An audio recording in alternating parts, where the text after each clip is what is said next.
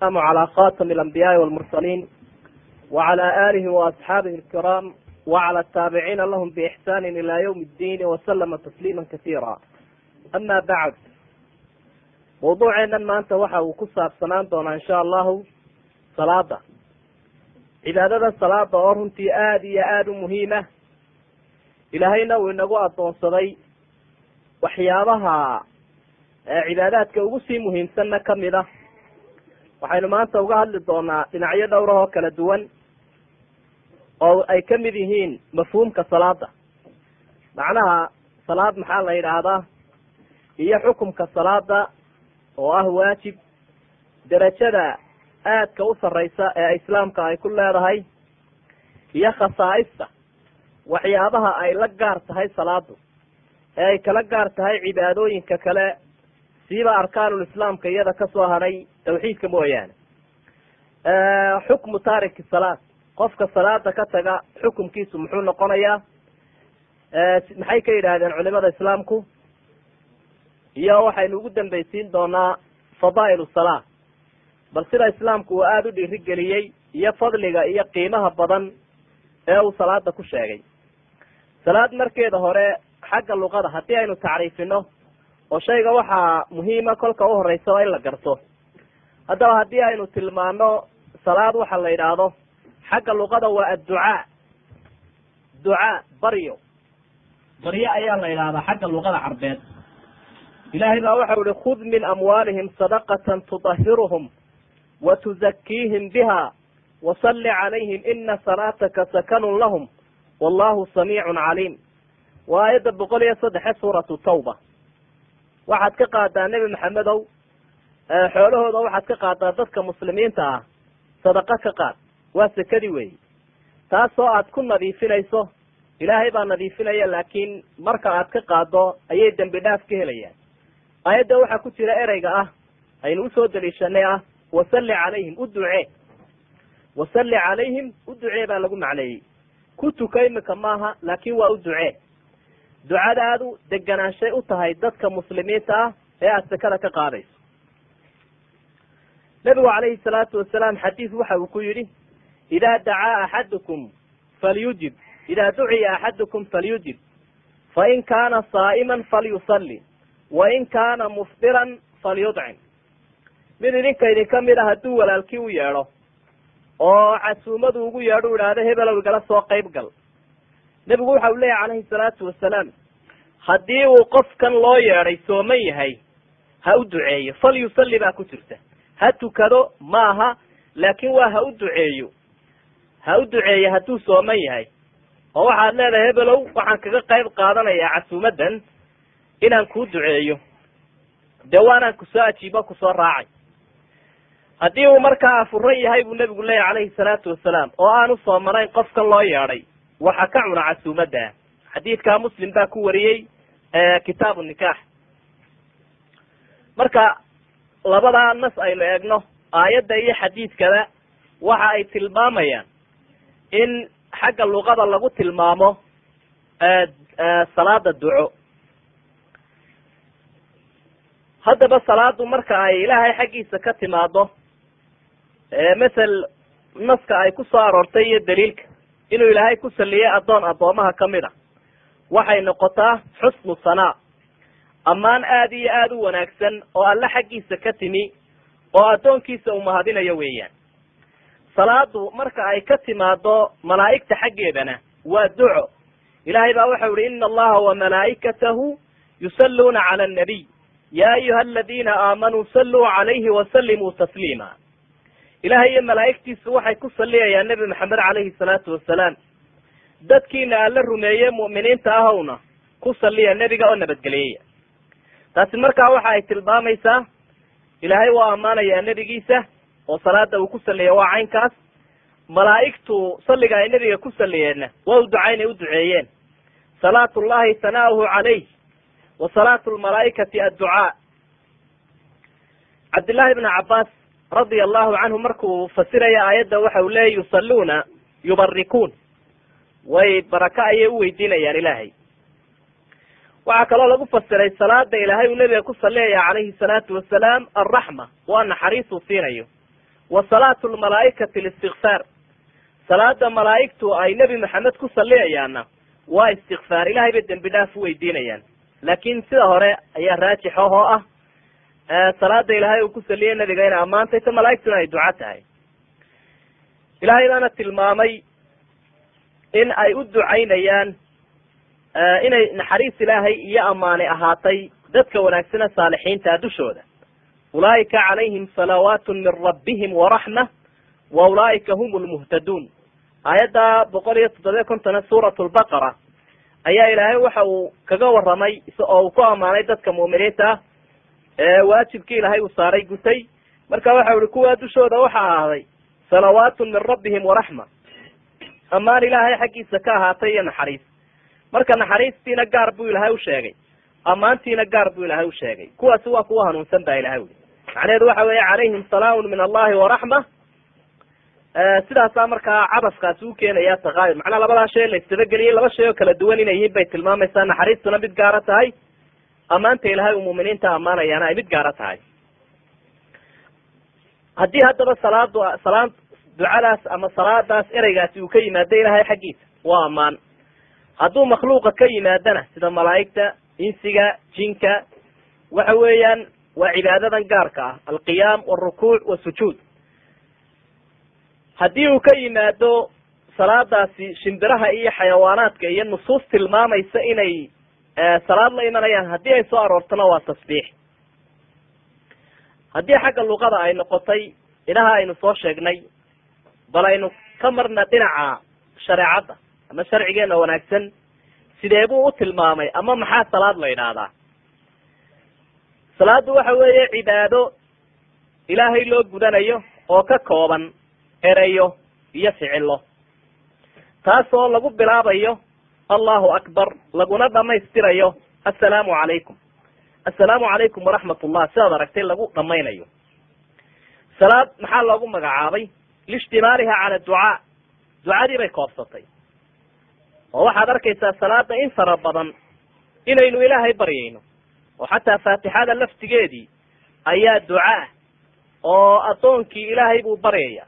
Ihdina siraata almustaqiim siraata aladina ancamta calayhim gayr almaqdubi calayhim wala adaliin waa duca wey ilaahay ow dadkaa wan wanaagsan jidkooda nagu hanuuniya aada u nicmaysay. ee aan ahayn kuwii loo cadhoodee yahuudda ahaa iyo kuwii hallaabay ee nasaarada ahaa. sidaa awgeed ayaa cibaadada salaada la yidhahdo tacriifkaa gaarkaa la siinaya. waa ereyo iyo ficilo gaara oo lagu bilaabayo allahu akbar laguna dhamaystirayo assalaamu calaykum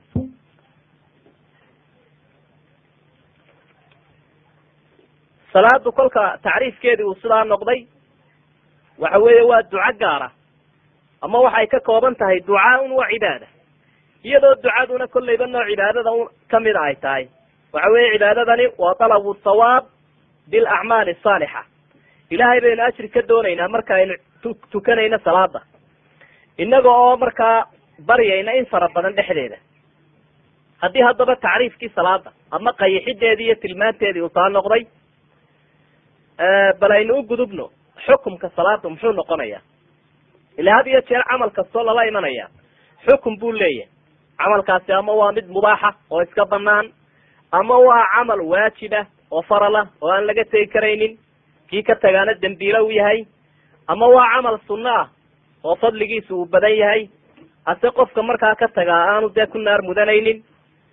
Camal camalka qaarkii in lala yimaada waa xaraam. Mid kale in lala yimaada waa xaraamtuu ka sii hooseeya isaguna wax la diido karaa ha la yidhaahdo.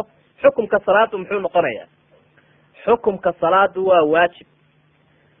Waxaanu waajib ku yahay oo daliilo ah kitaabka qur'aanka ah iyo sunnaha nebiga calayhi salaatu wasalaam iyo ummadda muslimiinta ah oo isku waafaqay.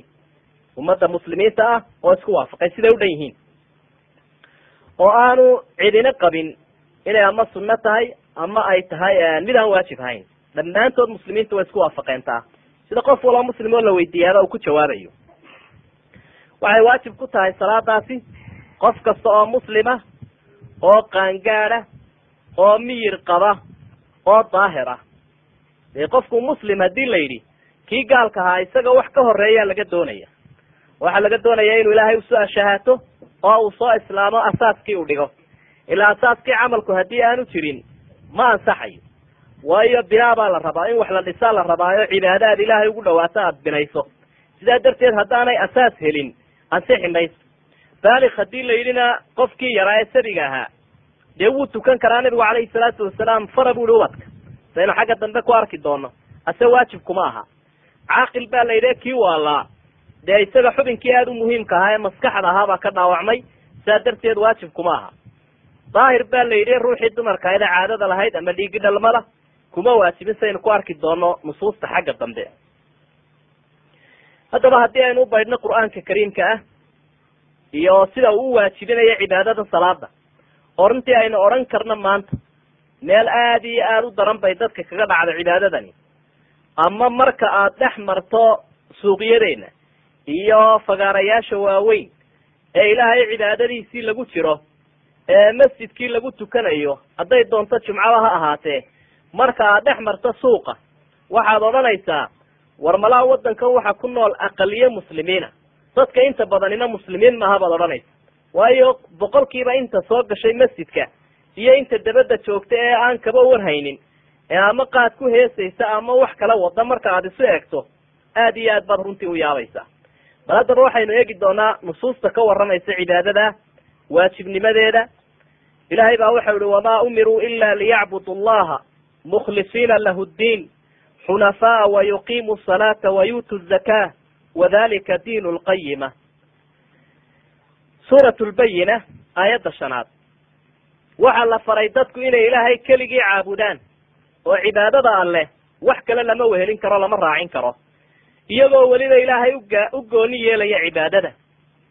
Iyaga oo ah xunafaa alle xaggiisa un u leexanaya oo diinaha kale iyo ciddii kale ay caabudi lahaayeen oo dhanba ka soo leexanaya. Salaada in ay oogaan baa la faray dadka zakadana ay bixiyaan. Diinta toosanina waa taas baa ilahay wuri wadalika diin lqayima diinta fiicane islaamka ilaahay addoomaha uu ka doonaya waa taa. Aayad kale waxa ilahay uu ku yihi waa suuratu nisa aayadda boqol iyo saddex ina asalaata kanat cala almu'miniina kitaaban mawquuta. Salaadu waxa ay noqotay dadka mu'miniinta ah waajib saaran. Kitaaban mawquutan maktuuban mu'aqatan waa shay lagu waajibiyey. Yaa ku waajibiyey? Ilaahay abuuray ee addoomaha ay u ahaayeen. Ayaa mu'miniinta ku waajibiyey. Waana wakti bay leedahay cayiman oo salaad walba waktigeeda la tukadaa sidaynu aragnay ee aan inaga qarsoonayn haddii aynu dadka muslimiinta ah. Labada aayadoodba si cad waxa ay u sheegeen cibaadadani inay tahay cibaado farada oo aan la fudaydsan karin ilaahayna u addoomaha ku waajibiyey. Xagga sunnaha nebiga calayhi salaatu wasalaam waxa u daliila xadiidka uu warinaya mucaad ibnu jabal radia allahu canh nebigu wuxuu u diray calayhi salaatu wasalaam yaman buu u diray. Markaasaa xadiidku waa dheeraa waxaa ka mid ahaa xadiidka markii uu nebigu uhi sidaa u sheeg oo sekada u sheeg oo salaada u sheeg oo tawxiidkii oo ka sii horreeya u sheeg ayaa waxau ihi wa aclimhum ana sala ana allaha iftarada calayhim khamsa salawaatin fi kuli yawmin wa layla. Ummadda aada u tegaysa waxaad ogeysiisaaye reer yamaneed inuu ilaahay ku waajibiyey san shan salaadood habeenkii iyo maalintiiba. Shan baa ilaahay uu ku waajibiyey ee sidaa ogeysii haddii ay ku adeecaanna dee waxaad ogaanaysaa in ay yihiin dad muslimiin oo xuquuqdooda leh. Xadiidkaa bukhaari baa wariyey kitaabu zakaat buu ku wariyey. Waxa labaad oo tilmaamaya salaada waajibnimadeeda iyo xukunkeeda. Xadiidka uu isaguna warinaya cabdillaahi ibnu cumar radia allahu canhuma isagiiyo aabihiiba allaha ka raali noqda waa laba saxaabiye waxa uu leeyay nabigu calayhi salaatu wasalaam buniya alislaamu calaa khamsin. Islaamnimada waxa lagu bineeyey macnaha lagu dhisay oo tiirarka haya ah shan. Shahaadati an laa ilaha ila allah wa ana muxamadan rasuulu llah wa iqaami asalaa wa iitaa'i azaka wa sawmi ramadana wa xaji lbeyti liman istataaca ilayhi sabiila. Shan arkaanta kamida baa lagu bineeyey midi waa tawxiidka. Waa kelmadda qaaliga ah miisaankeedu aada iyo aad uu u wen yahay dikriga ugu fadli badan rususha ilaahay waxay ku dhawaaqaan ugu qaalisan shahaadati an laa ilaha ila allah wa ana muxamadan rasuulu llah ka labaad wuxuu nebigu ka dhigay calayhi salaatu wasalaam salaada. Kelmadii waynu leenahay oo waynu ku dhawaaqaynaa xaggay martay tii ku xigtay cibaadada ahayd. Waa wax aad iyo aada u cajaayib badan markaad eegto dadka muslimiinta ah mid waliba kelmadan wuu ku dhawaaqaya laakin tii ku xigtay oo cibaadada salaada ah ayaa meel la iska dhigay dadka intoodii badnayd tiirka saddexaad wuxuu nebigu ka dhigay arkaantii islaamku tirinayaaye sekada. Waa ciddii ay ku waajibto iyo bisha ramadaan soomkeeda iyo baytullahi alxaraamka ama kacbada oo qofkii awoodi karaya ee xoolahayaa uu ku soo xajiyo. Xadiidkani aad buu saxiix u yahay awooddiisuna way badan tahay oo bukhaari iyo muslim baa wariyey. Xadiidka saddexaad waxaa warinaya daliilka waa cibaadadan waajibnimadeeda cubaadat bnu samit radia allahu canh waxa uu saxaabigaasi leeyahay samictu rasuula allahi sala allahu alayhi wasalama yaquul nebiga oo le baan maqlay khamsu salawaatin katabahuna allahu cala alcibaad faman jaa bihina lam yudayic minhuna shay-an istikfaafan bixaqihina kana lahu cinda allahi cahda